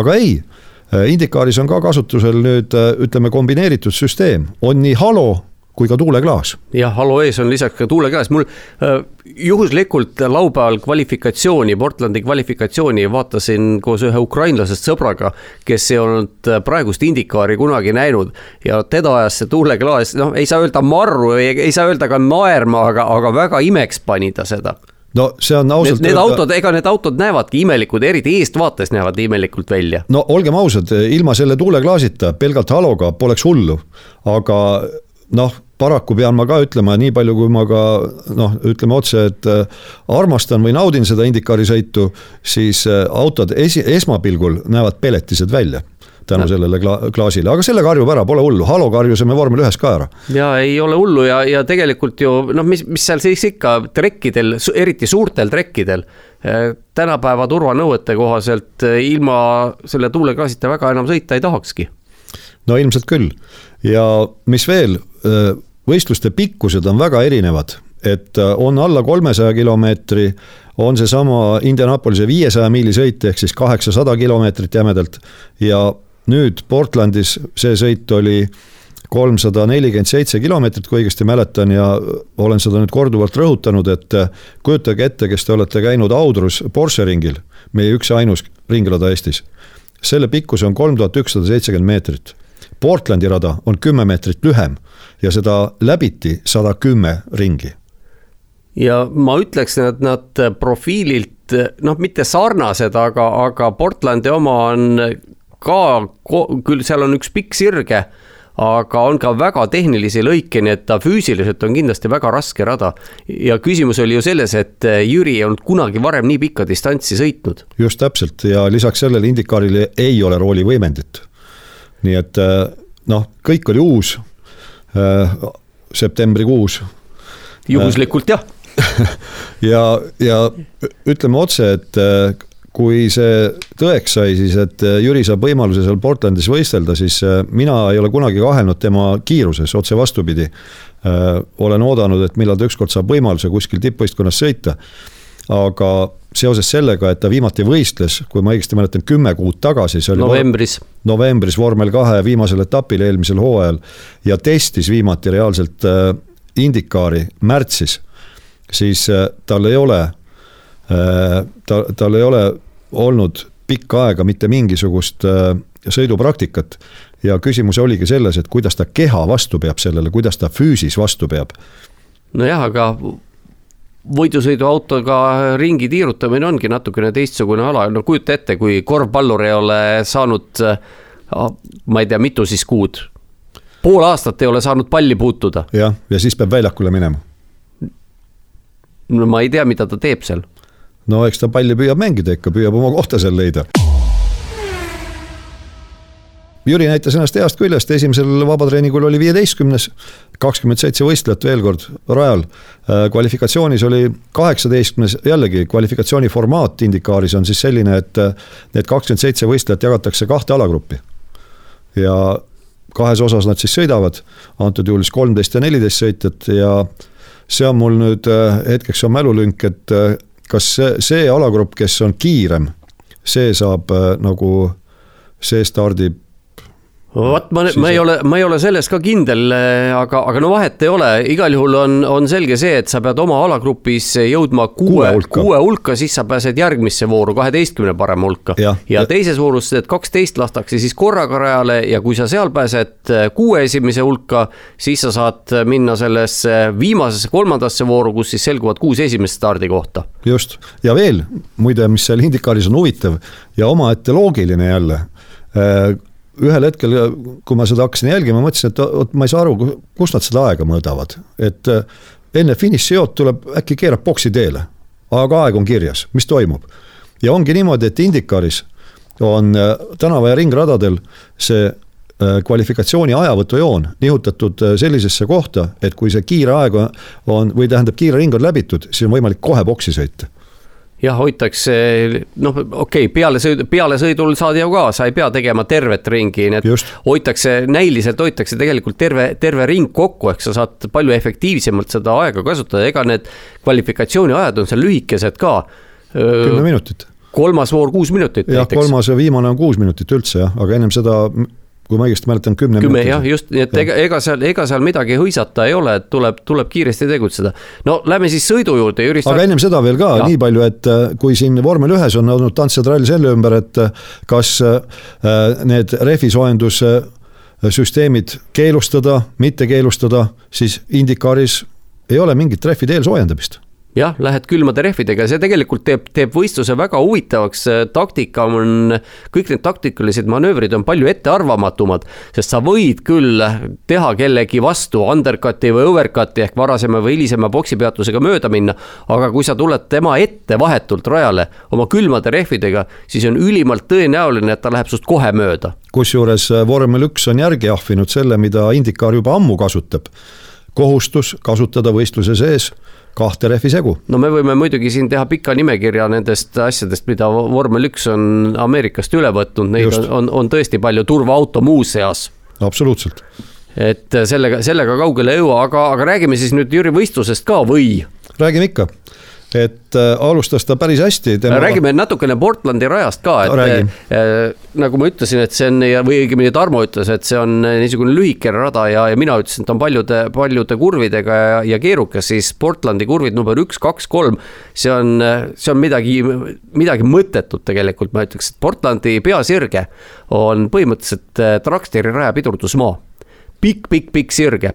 Ja see esimene kurvikompleks on siis äh, täisnurk paremale, siis umbes äh, no, ma ei tea, sada, sada kakskümmend kraadi kurvi, äh, kraadine kurv vasakule, siis selline lauge kaar uuesti paremale ja, ja kuidas seda sõidetakse, noh, seda, kui, kui näidati sealt lähedalt, siis kuidas seda esimest üheksakümne kraadist nurka sõidetakse. no vormel ühes niisuguse asja eest. Äh, saad karistada. saad karistada, saad diskvalifitseerimise üsna kiiresti, sest seal sõidetakse kõigi nelja rattaga kurvis sisekülge näitavast joonest ja äärekivist üle jah, sõidetakse äh, sisekurvi äärekivi ja metall rajapiirde vahelt läbi. jah, no mõnikord minnakse sinna piirdele ka vastu. aga, aga see on nüüd, kui sõidetakse üksinda, aga võistlusel on probleem selles, et jällegi nagu Monza esimese kurvigagi, no mõnes mõttes on need sarnased tegelikult ja, esimese kompleksiga, siis seal on ka haruharva, kui õnnestub niisugune start anda, et esimeses kurvis külakuhja ei tehta no seekord ei õnnestunud.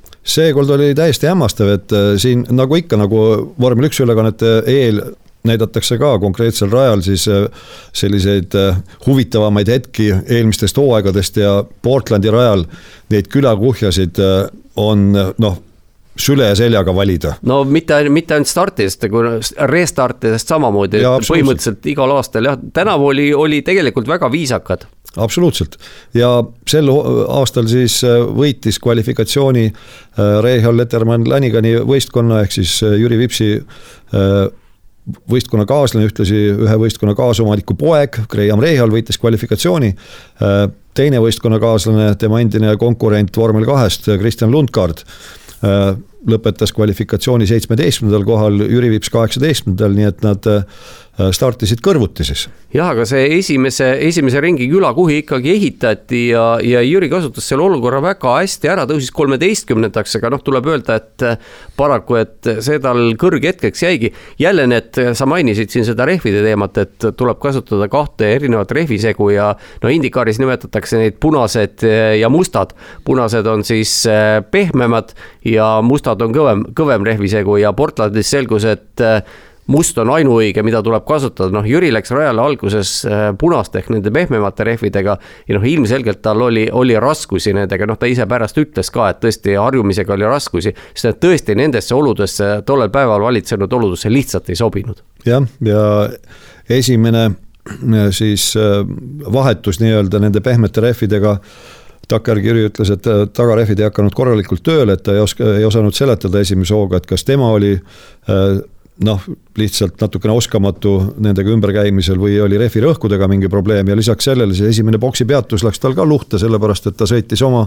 Äh, no ütleme, sõitis liiga kiiresti oma, oma boksi ja, või jäi pidurdamisega hiljaks, ega seal on samamoodi, boksiteel on kiirusepiirang. aga sõitis oma boksi meeskonnast natukene mööda ja tuli ta tagasi veeretada siis. nojah, see esimesel vahetusel rajal kaduma läinud aeg, see ei olnudki kriitiline, aga põhimõtteliselt võib öelda, kui lõpptulemust vaatame, et just see umbes kümmekond sekundit, mis seal esimese boksi peatusega kaduma läks ja vist teisel boksi peatusel ka veel mõned sekundid siis need kokkuvõttes ilmselt ikkagi olid kriitilised, sest üllataval kombel äh, sõideti vist esimesed, kas mingisugune kaheksakümmend seitse ringi, sõideti niimoodi, et ühtegi märkimisväärset avariid ei olnud, turvaauto rajale ei tulnud. siis tuli ja Jüri oli just selleks hetkeks äh, saanud liidritelt ringi sisse, õigemini liider Alex Paluult oli saanud ringi sisse. ja see tähendas, et kui turvaauto tuli rajale, siis ma ei ole täpselt aru saanud, millistel tingimustel Indikaaris antakse see võimalus mahajääjatel ring tagasi võtta. aga seal igal juhul ei antud ja see tähendas, et kui restart anti, noh siis Jüril oligi, ring oli kõigilt sisse saadud ja tegelikult püüda enam mitte kedagi ei olnud. jah, et täiesti, no ütleme, tol hetkel ta oli valel ajal vales kohas. Äh, et muud põhjust ei olnud, aga et kui küsitakse, et noh, hea küll, alustas kaheksateistkümnendana, lõpetas kaheksateistkümnendana, äh, mis seal siis nüüd nii väga noh, rääkida on või midagi, aga on ikka küll, sellepärast et veel kord, äh, distants oli ligi kolmsada viiskümmend kilomeetrit pikk ja mul on siin silme ees praegu Jüri ringiaegade tabel. ja kui tema siis läbis sada üheksa ringi, kokku oli sada kümme, eks ole siis näiteks te, kui tema parim kiirem ring, äh, kui õigesti nüüd äh, vaatan, pärines üheteistkümnendast ringist. ringi aeg oli üks minut null null koma kolm sekundit, ei hakka neid tuhandikke lugema siin.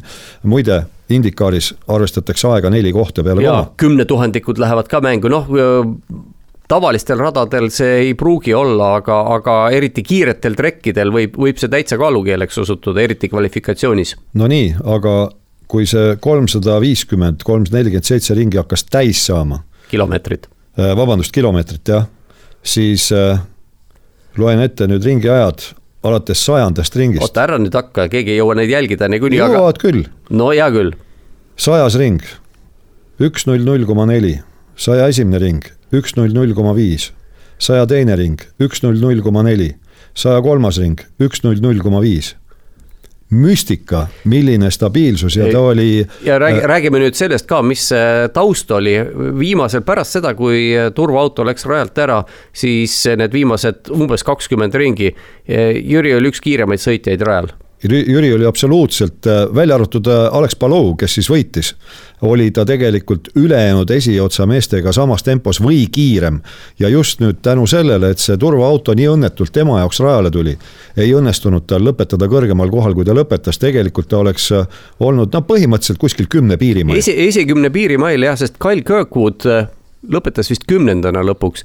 Ja, ja Kirkwoodi ringiajad igal juhul olid läbivalt kogu võistluse jooksul kehvemad kui Jüril, aga Kirkwood oli, naljakas on muidugi jälle sellest taktikast rääkides, siis Kirkwood oli üks nendest, kes seal esimesel ringil kohe esimeses kurvis sellesse külakuhja sattus, noh, auto jäi tal küll terveks, aga ta pidi kohe tegema varajase boksipeatuse ja läks nii-öelda Äh, rütmist väljas poksipeatuste taktika peale, aga nagu kokkuvõttes äh, paistab siis vaatamata sellele, et ta selliseid imekiireid ringe ei suutnud teha, jällegi stabiilsuse ja poksipeatuste eduka ajastamisega õnnestus kõrgele kohale tõusta.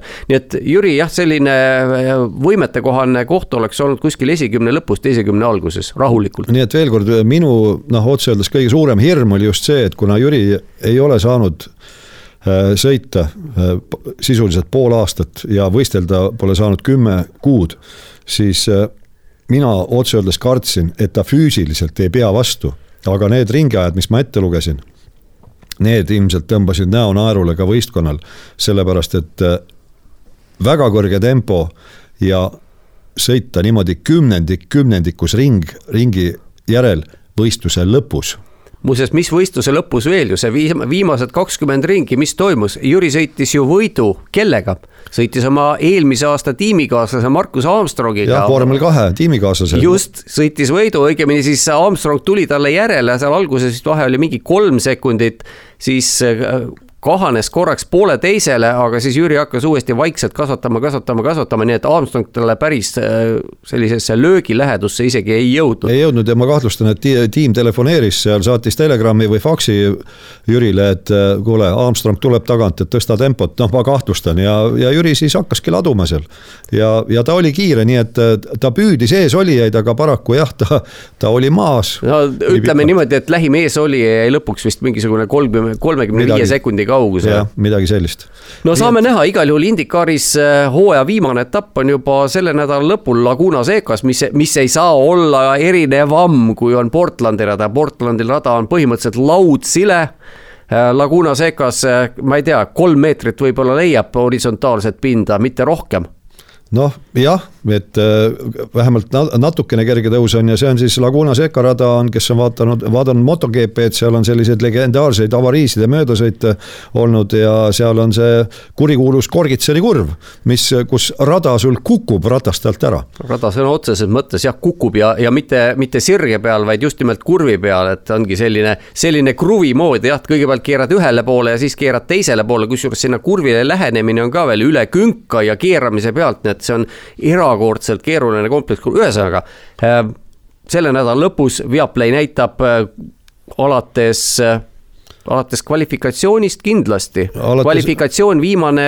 viimane treening ja võidusõit. ja võib-olla isegi näidatakse teist vabatreeningut, seekord Portlandis näidati ka teist vabatreeningut, teisest vabatreeningust alates, ennem kvalifikatsiooni. ehk siis laupäeval. laupäeval jah, ja mis veel, et Laguna Secos Äh, ilmselt sellepärast, et Laguna Seca rada on saanud äh, sel aastal värske, värskelt uue katte täispikkuselt, siis äh, neljapäeval on seal kõigile võistkondadele testid, mis on väga-väga suureks plussiks Jürile, sellepärast et ei ole ta Portlandis sõitnud, ei ole ta Laguna Secas sõitnud. Nii et jah, saab selle, selle rajaga tutvuda, no ma ütleks, et Laguna Secas muidugi kohanemine on oluliselt keerulisem kui Portlandis noh, juba kasvõi sellepärast, et seal on kurve rohkem, rääkimata sellest kõrguste vahest, et ega see ei ole see Korgitseri kurv ei ole ainukene koht, kus see kõrguste vahe ennast tunda annab, neid kohti on ikka teisi seal ka nii et on kindlasti, mida vaadata juba sellepärast, et see rada on huvitav ja tegelikult Indikari sara, sari on ka põnev ja, ja põnevust tekitab just nimelt äh, see, et et seal on muuhulgas siis äh, push to pass ehk lisavõimsuse nupp muuseas, Jüri käis sellega väga säästlikult ümber, ma ei, ma ei tea, palju tal lõpuks järele jäi. mõned sekundid. aga, aga tal oli tol hetkel, kui turvaauto tuli rajale, siis tal oli kahesajast sekundist veel sada kuusteist järel. just, et ja, ja kusjuures paljul, paljudel nii-öelda kogenumatel oli vaid äh, alla kahekümne sekundi. no, no see sõltub, sõltub muidugi olukorrast, sellel samal Graham Rahalil oli kas oli kuusteist sekundit, alla, alla kahekümne igal juhul kindlasti. nii et jah, oleneb, oleneb sellest, kuhu sa satud rajal ja, ja, ja millega sa seal tegelenud oled, aga, aga jah, selles osas Jüri kasutas küll väga hästi seda, seda võimalust ära ehk siis võidusõit on peaga sõit ja Jüri sõitis peaga nii, kas me räägime veel millestki, Martin tahab ka rääkida, tal on niisugune nägu kohe. aga palun rääkige. ei no meie oleme juba küll rääkinud, mis sa kostad siis? Oh, ma olen juba vaikselt niimoodi tukkuma jäänud siin. nii igav, nii igav teema. ei, vastupidi, vastupidi, ma lihtsalt ei, ei olnud ekspertiisi, et segada vahele siia juttu, et. Äh, aga tuleb hakata arendama, te olete, saad hakata kohe Viaplay's juba, juba ja muuseas, selline asi ka veel, et äh, Indikaari ametlikul koduleheküljel on väga hea ülevaatlik Äh, ajavõtutabel ka, mis reaalajas jookseb võistluse ajal, nii et võite sealt ka piiluda, kui, kui telepilti parajasti kuskilt ei paista. mina vaatasin näiteks niimoodi, et mul oli ühes aknas oli, oli telepilt ja teises jooksis see ajavõtt no minul ka kaks ekraani kõrvuti ja just, et see ajavõtutabelis on, on seal näha äh, parim ringiaeg, äh, just Äh, lõppenud ringi aeg, kui palju ringe on sõidetud, äh, millised rehvid on all, kas kõvad või pehmed, noh, see on tingmärgiga on siis vastavalt punane või, või must on see, millal viimati käidi boksis, millisel ringil, millal eeldatavasti tullakse boksi, noh, kes seda seal kalkuleerib, ei tea, võib-olla tehisintellekt ja on ka see kirjas, kui palju neid äh, sekundeid siis järgi on. just, ühesõnaga kindlasti meil ei tulnud meelde kõik asjad, mida me oleksime tahtnud Indikaarist rääkida. võite meile esitada küsimusi motoorse rahutuse Facebooki lehe kaudu, katsume vastata, mida teame, selle kohta ütleme, mida ei tea, ajame lihtsalt niisama udu. jah, nii et vastuse saate igal juhul, kas see teid rahuldab, see on nüüd teie otsustada meister muideks selguski sellel etapil Indikaaris, Alex Palu teist korda tuli sarja võitjaks, kaks tuhat kakskümmend üks oli ta viimati võitja. jah, tahtsime küll lõpetada, aga nii palju ma ütlen, et äh, IndyCar on selles mõttes jah, huvitav sari, et äh, eelmise aasta meister on neljakümne kahe aastane äh, Will Power Austraaliast, selle aasta tiitli pretendent oli neljakümne kolme aastane Scott Dixon Uus-Meremaalt. meistriks tuli kahekümne kuue aastane Alex Palou Hispaaniast ja seal on tõesti, äh, kui äh, Bobby Reihal ütles nädala alguses, äh, eelmise nädala alguses siis pressikonverentsil või videokonverentsil, kus ta osales koos Jüri Vipsiga, et vormel kaks on nii nagu ÜRO siis tegelikult mina väidan, et tänasel päeval Indikaar on samamoodi nagu Ühinenud Rahvaste Organisatsioon. ja, ja muuseas üks asi veel, mis ma tahtsin mainida esiteks, Jüri Vips ei ole esimene eestlane, kes Indikaaris sõidab, Tõnis Kasemets oli esimene. ja teiseks, Jüri Vips sõidab ju võidu ka ühe leedulasega, nii et seal on äh, selline Balti-sisene konkurents ka. David Malukas, kes on, noh, ta on küll, võib öelda välisleedulane, tema vanemad emigreerusid. üheksakümnendate algul, jah. ja üheksakümnendate algul, aga, aga valdab ta leedu keelt ja, ja iga, tal on nii, auto peal on nii Leedu kui ka USA lipp ja just täpselt, nii et äh, seal noh, neid põnevaid teemasid, mis praegu meelde tulid, on, on veel süle seljaga. veel kord, võite küsida meie motoorse rahutuse lehekülje kaudu, püüame vastata.